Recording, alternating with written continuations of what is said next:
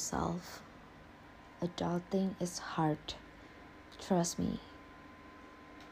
It's tiring, full of responsibility. It feels like you want to go back in time and be a kid forever. Adulting is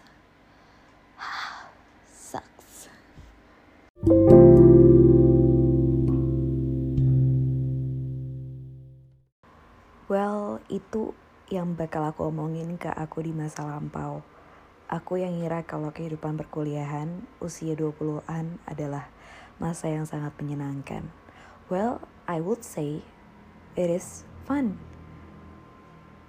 Karena kita ngerasa bebas, kita ngerasa kalau kita punya kehendak bebas dan punya kontrol atas diri kita sendiri. Tapi ketika kita hidup dengan bebas dan punya kontrol atas diri kita sendiri, ada beberapa privilege sebagai seorang anak, tanda kutip, yang harus perlahan tapi pasti kita lepasin.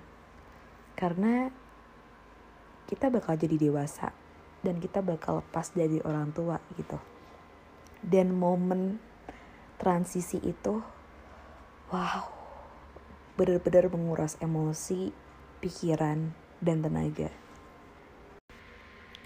Momen pertama yang bikin aku sadar kalau aku udah dicemplungin di fase ini adalah ketika aku mau beli handphone di tahun 2021.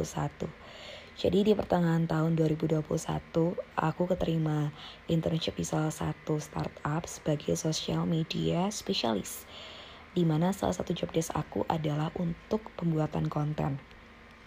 Pada masa itu, aku pakai handphone S7 Samsung di mana uh, trust me hasilnya sangat-sangat jauh dari kata memuaskan. So aku mutusin buat beli handphone. Setelah cari-cari aku ngerasa high handphone 10s adalah handphone yang cukuplah buat aku gitu. Setelah dapat handphone yang aku mau aku coba lobbying sama orang tua lebih tepatnya nyokap sih bendahara negara ya kan. Ternyata nggak dikasih. Terus aku coba lobbying ke 50-50 tetap nggak dikasih uangnya. Emang sih pada masa itu uh, aku tuh dapet pemasukan lain yaitu sebagai part timer penyiar dan juga freelance freelance gitu. Jadi mama aku bilang kalau pakai uang kamu sendiri di situ aku sempat ngambek dan marah dan nangis seharian. Karena uh, bukan ke arah di mana mereka nggak ngasih uang tapi lebih ke arah kok tega dan aku nggak siap itu jujur aku waktu itu ngerasa kaget dengan perlakuan orang tuaku yang kayak gitu. Karena aku ngira dengan aku tuh masih kuliah aku nggak akan dilepas sampai sebegitunya gitu. Tapi ternyata pola didik orang tua aku pada saat itu mutusin untuk aku mau nggak mau harus bisa ngerti makna dari uang. Butuh waktunya agak lama sih buat aku bisa ngerti apa yang mereka maksud gitu. Untuk bisa nerima kalau aku mau nggak mau harus ada di fase ini secara dini atau lebih cepat daripada teman-teman seangkatan aku karena emang kalau aku lihat dari sekelilingku rata-rata teman aku tuh yang masih bisa dapat uang atau subsidi ketika mereka mau beli handphone, mau tes TOEFL, mau tes apa pun itu, mau les nyetir, mau pasang behel, like mereka tuh dapat subsidi gitu. Sementara aku setelah momen itu nggak dapat sama sekali, cuma dapat uang saku itu aja butuh agak lama bagi aku buat sadar dan nerima hal itu. Karena jujur rasanya itu sangat sangat sangat menyakitkan dan membingungkan. Sakit karena aku nggak siap untuk dilepas. Aku nggak siap untuk nyemplung sendirian tanpa bantuan mereka tanpa support mereka. Sedihnya karena karena aku ngerasa nggak adil ketika teman-teman seangkatan aku masih bisa ngerasain itu tapi aku yang mau gak mau harus mulai untuk bisa lepas dari orang tua secara finansial. Seminggu, dua minggu, aku agak dongkol, tapi lama-lama setelah aku mikir-mikir lagi, setelah aku berusaha untuk gak berpikiran sempit, aku sadar kalau even ngelakuin hal itu ke aku, even untuk bilang enggak ke aku yang adalah anak mereka adalah hal yang berat juga kok buat mereka gitu. Jadi ini semua enggak melulu harus berat ke aku. Aku percaya pola didik yang kayak gini nanti pasti bakal ada maknanya. Even kayak sekarang aku ngerasa aku bisa jauh lebih bisa memahami atau menghargai uang seperti apa, menghargai waktu kerja seperti apa. Ya, seenggaknya mengurangi kegiatan hedonisme sih. Akhirnya setelah itu aku beli handphone 10S di tahun 2021. Harganya sekitar 7 jutaan. Dan ketika aku bayar aku nangis darah. karena aku ngerasa aduh uang yang udah aku kumpulin harus aku lepaskan tapi ya mau nggak mau gitu kan kita harus bisa melepaskan perasaan-perasaan sedih itu kawan sebelumnya setelah aku beli iPhone ada yang komen sama aku kenapa gak sekalian beli iPhone 12 karena tahun 2021 tuh udah ada iPhone 12 yang paling baru. Even akhir tahun ini udah ada iPhone 13 sebenarnya waktu itu aku ngerasa bisa sih ada sih untuk beli itu ada. Cuma aku ngerasa dengan pendapatan aku yang pada masa itu aku tuh cuma dari uang saku freelance dan part time penyiar aku ngerasa aku belum uh, belum pantas untuk dapetin barang semewah itu. Like orang-orang yang punya handphone iPhone 12 or 13 adalah orang-orang yang udah kerja duitnya jutaan. At least kayak idol K-pop pengusaha mereka pakainya iPhone 12 atau iPhone 13 gitu terus aku yang masih kayak gini aku ngerasa kalau aku belum deserve untuk dapetin barang semewah itu. Walaupun ada uangnya. Ada sih tapi langsung miskin ya kalau beli. Kayak gitu deh rasanya pengen mm, mampu nggak lo beliin gue HP itu emang? Ngomong-ngomong doang. Sebel.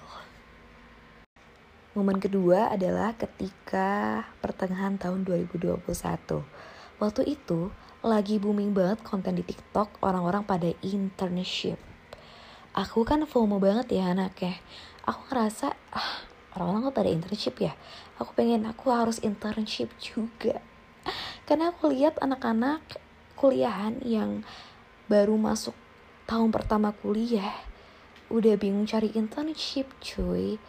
Di mana aku yang waktu itu udah mahasiswa tingkat akhir pengalaman internship cuma satu. Itu pun karena wajib dari kampus.